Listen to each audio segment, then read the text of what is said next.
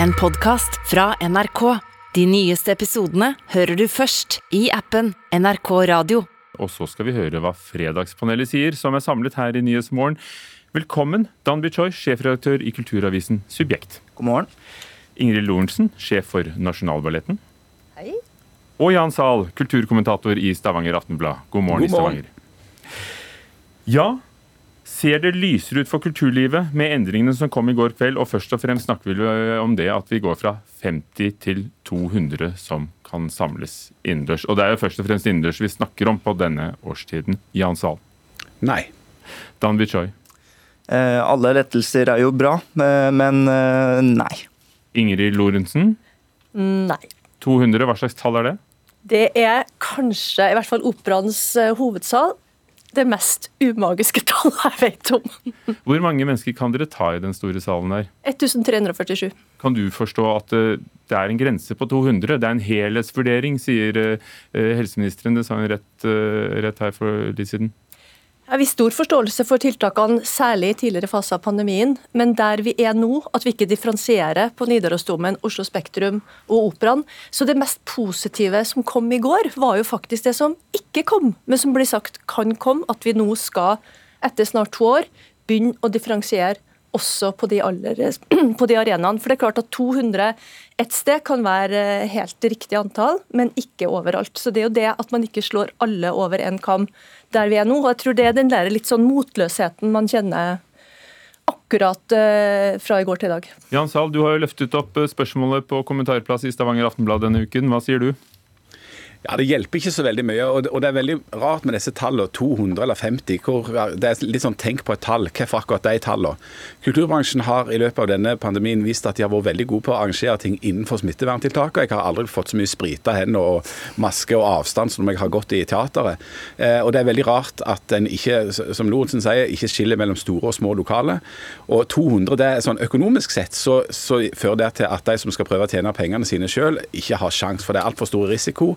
Eh, Dette er muligens greit for, for noen teater for eksempel, som, som har stor offentlig støtte fra før av, og som uansett spiller stykkene sine. Da er det fint at du kan få inn 200, kanskje. Men, men for sånne småsteder som skal da ha halve kapasitet, eller for virkelig store steder som da har omtrent ikke fulgt noen ting av kapasiteten, så hjelper det fint litt. Jeg tror få legger ut på turné med, med, når de kan spille for 200 stykk. Dan Bichoy. Ja, nei, eh, Når man hører på oss snakke om dette, så er det jo eh, ganske tydelig at kulturen ikke er fri. Det er veldig mye å tenke på fortsatt. Og eh, kulturen er jo fri av natur, så den er egentlig ikke fri før alle tiltak og lettelser er borte. Det er fremdeles sånn at institusjonene må tenke altfor mye på disse tingene. Jeg skjønner jo at det må gjøres på en ansvarlig måte, men at de ikke skiller mellom nyansene her, at de gjør det så enkelt for seg selv og ikke for kulturlivet, det syns jeg egentlig er skremmende. Men også at eh, Jan Zahl skriver jo i sin kommentar, eh, så etterspør han eh, flere artikler om, eh, om de mange kulturarbeidere som ikke får gått i jobb. Eh, Vi i Subjekt gjør det, altså, men, men jeg savner også egentlig en større protest. Jeg skjønner ikke hvorfor vi eh, tar til takke med disse tallene, og disse eh, dårlig begrunnede tallene også. Har du en forklaring, eh, Lorentzen? Tar dere til takke med det? Er det det fordi dere får Altså, Store institusjoner som Det Norske Opera og Ballett får jo støtten uansett. Det her, er, her er det mange ting å si om, og jeg syns det er veldig veldig bra at dere spør. Men hvis jeg skal være helt helt ærlig, og det skal man jo i Fredagspanelet, så ene er at jeg tror tidligere faser så har vi også hatt stort forståelse for at det har vært tiltak. Så det er ei side av det. En annen side er at det å holde på nå med den omikron, det er så krevende. Altså, men nå er det jo endringer i karanteneregler og sånne ting.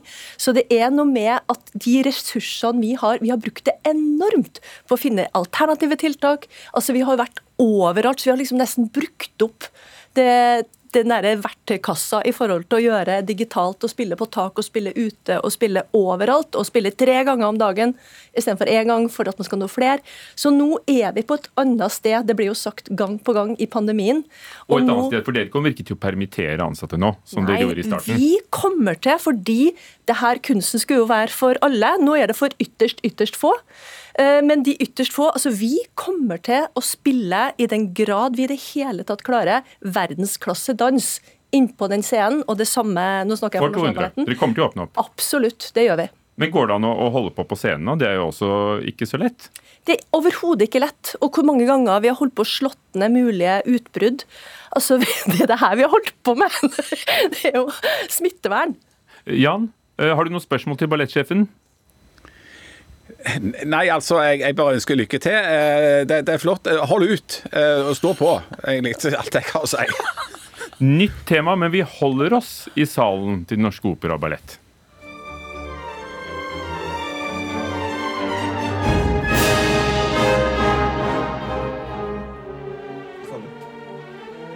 La Bayader, første gang fremført i 1877. Tempeldanseren betyr det. Dette er uh, musikken til denne balletten som etter hvert er blitt en klassiker. Så klassisk at det ble den siste store koreografien til Rudolf Nurejev. Den skal opp igjen i Paris i våres. Og så skal den opp på Den norske opera og ballett, La Bayader. Og nå kommer det et krav fra en hinduleder som har skrevet brev både til Nasjonalballetten og til kulturministeren, helt fra USA, om at dette må avlyses. Han mener La Bayadère latterliggjør østlig kultur og religion. Er tiden kommet for å ta La Bayadère av plakaten en gang for alle, Jan Sahl? Nei. Dan Bichoy. Nei. Ingrid Lorentzen. Nei. Du sitter jo i en spesiell posisjon, så du får spare litt på konfekten. Jeg fryktet at dere ville være enige, men, men Dan Bishow, dette med orientalisme og fremstilling av, eh, av fjerne himmelstrøk slik de gjorde på 1800-tallet, er jo ikke helt gangbar mynt alltid nå. Nei, men eh, jeg mener jo at kunsten og kulturen ikke skal være gangbar mynt. Eh, Du mener at eh, de latterliggjør Eller han hindulederen, som jeg mener må ta seg en bolle, mener jo at religion eh, latterliggjøres og kultur latterliggjøres. Jeg mener jo generelt at kultur eh, burde latterliggjøre både religion eh, og kultur mer. Eh, og hvis vi skal høre på religiøse ledere uh, i verden hva gjelder hva som kan vises og ikke, uh, så er det veldig lite som kommer til å bli vist. De kommer til å mene at hverandres oppsetninger skal kanselleres, hvilket også underbygger viktigheten av en prinsipiell tilnærming til kunst og kultur og ytringsfrihet. Da. Jan Sahl, Ja, jeg mener jo, som eh, Dan Choi tidligere var inne på, altså at kunsten skal være fri. Det er, ingen, det er ikke aktivister eller noen som måtte føle seg krenka eller reagere på et eller annet som skal eh, stå for programmeringa av eh, hva kunstinstitusjonene skal sette opp. Det er ikke kulturministeren som skal bestemme hva slags ballett som skal danses på Nasjonalballetten. Kunsten skal være fri. Den skal, skal den enkelte kunstner bestemme sjøl hva en vil gjøre, og den enkelte institusjon skal sette opp det de måtte ha lyst til ut ifra kunstneriske hensyn.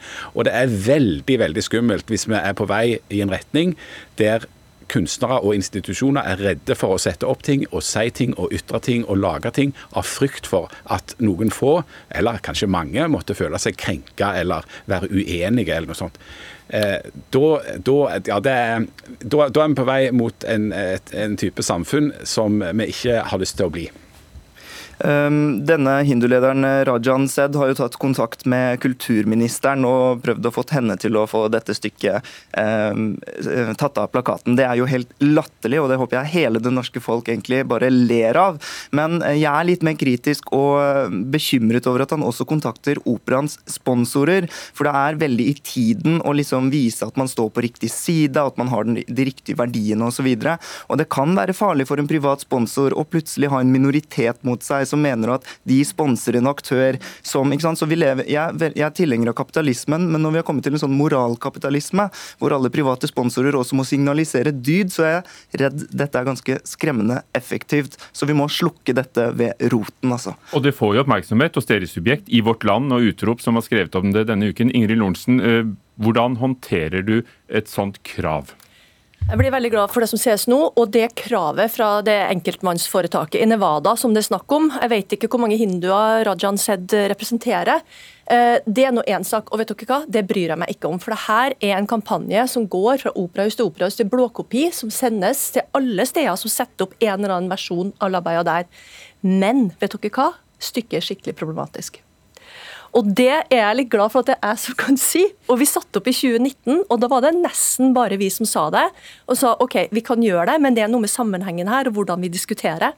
Nå er verden på et annet sted, og det syns jeg er så bra. Så jeg er så Altså, Jeg er så glad at jeg kan få lov å sitte her, og at folk skriver om innholdet i det vi gjør, og skriver om det repertoaret. Og hva er det problematiske? For det ble plukket Ja. på en anmelder også den gangen. Ja, ikke så mye, men det er nevnt. Og det er jo det med det orientalismen. Altså I Labba der, for å si det sånn, så er det veldig mye som er galt i forhold til hvis du skal oppfatte ting korrekt. Eh, for det er en fantasi. Det er aldri ment å være noe annet. Det er en skikkelig kvasifantasi i et orientalistisk et Altså Den inneholder mye elementer som vi ikke kjenner oss igjen i dag. Men hvorfor den er den så god at du vil sette den opp? Den er lett å ta, men det er også det er de andre klassikerne, og veldig mye av den klassiske kulturarven har de her problematiske tingene. Og hvordan vi forholder oss til vår historie og vår kultur, er så viktig. Og hva slags blikk vi har. Jo, vet du hva? For at den inneholder noe av de aller, aller beste scenene. Noe av det verste, men aller mest av det beste. Det er et fantastisk verk, i tillegg til å være problematisk. Det verste Og kan det vel være interessant? debatt. Det verste kan absolutt være interessant, og det er det som også gjør det interessant. Så må man også se på det i et eh, tidsperspektiv. Og i mars for en premiere, kanskje for flere enn 200. Ja, det håper vi. Nytt spørsmål. Det handler om ny sentralbanksjef. Eh, Pressen har løftet frem middagsselskaper med Knut Brundtland og ikke minst Markatur med Jonas Gahr Støre. Den turen jeg nå fortalte om, det var jo en tur som gjorde det klart at det var ikke et tema vi kan snakke om. Jeg er statsminister. For Jens Stoltenberg, Nato-sjef og tidligere statsminister, vil gjerne bli sentralbanksjef. Men skal han det? I Dagsnytt 18 sa politisk redaktør i Nordlys at eh, vi har fått et Stoltenberg-kompleks i Norge, og mener at deler av pressen driver kampanjejournalistikk. Så spørsmålet er enkelt. Ser dere tegn til kampanjejournalistikk i spørsmålet om ny sentralbanksjef? Ingrid? Nei, tja. Nei. Jan, pressemannen? Nei. Nei. Nei? Hvorfor ikke? Nei, og Med forbehold om at jeg ikke har lest alt det som alle disse Oslo-avisene skriver om den saken eh, her borte i Stavanger, så må jeg si at det, det jeg har sett av eh, journalistikk på denne saken, framfor alt ligner på journalistikk. Eh, Den samlet sum, altså det, Du kan si veldig mye stygt om pressen, og det er all grunn til det. og Noe av problemet ofte i pressen er jo at den er veldig sånn flokkorientert, og at den er interessert i det samme og ser ting på den samme måten. Men i denne saken her så er det jo noen som har heia noe voldsomt på Jens Stoltenberg. Andre har vært veldig kritiske. Mange har vært balanserte. Altså, så det samla trykket i pressen er framfor alt at pressen gjør en veldig god jobb der en driv- bedriver det som kalles for journalistikk, ikke kampanjejournalistikk. Nei, det er jo det at pressen enten at du er enten for eller mot Stoltenberg, for eller mot kandidaturet. Altså, det er så mange ting som er interessant i å diskutere, men de nyansene, og hvis man virkelig ikke skal kunne inneha en stilling, at man må snakke om det problematiske, ikke om man er for eller mot Stoltenberg som journalistikk, er vel det jeg tenker.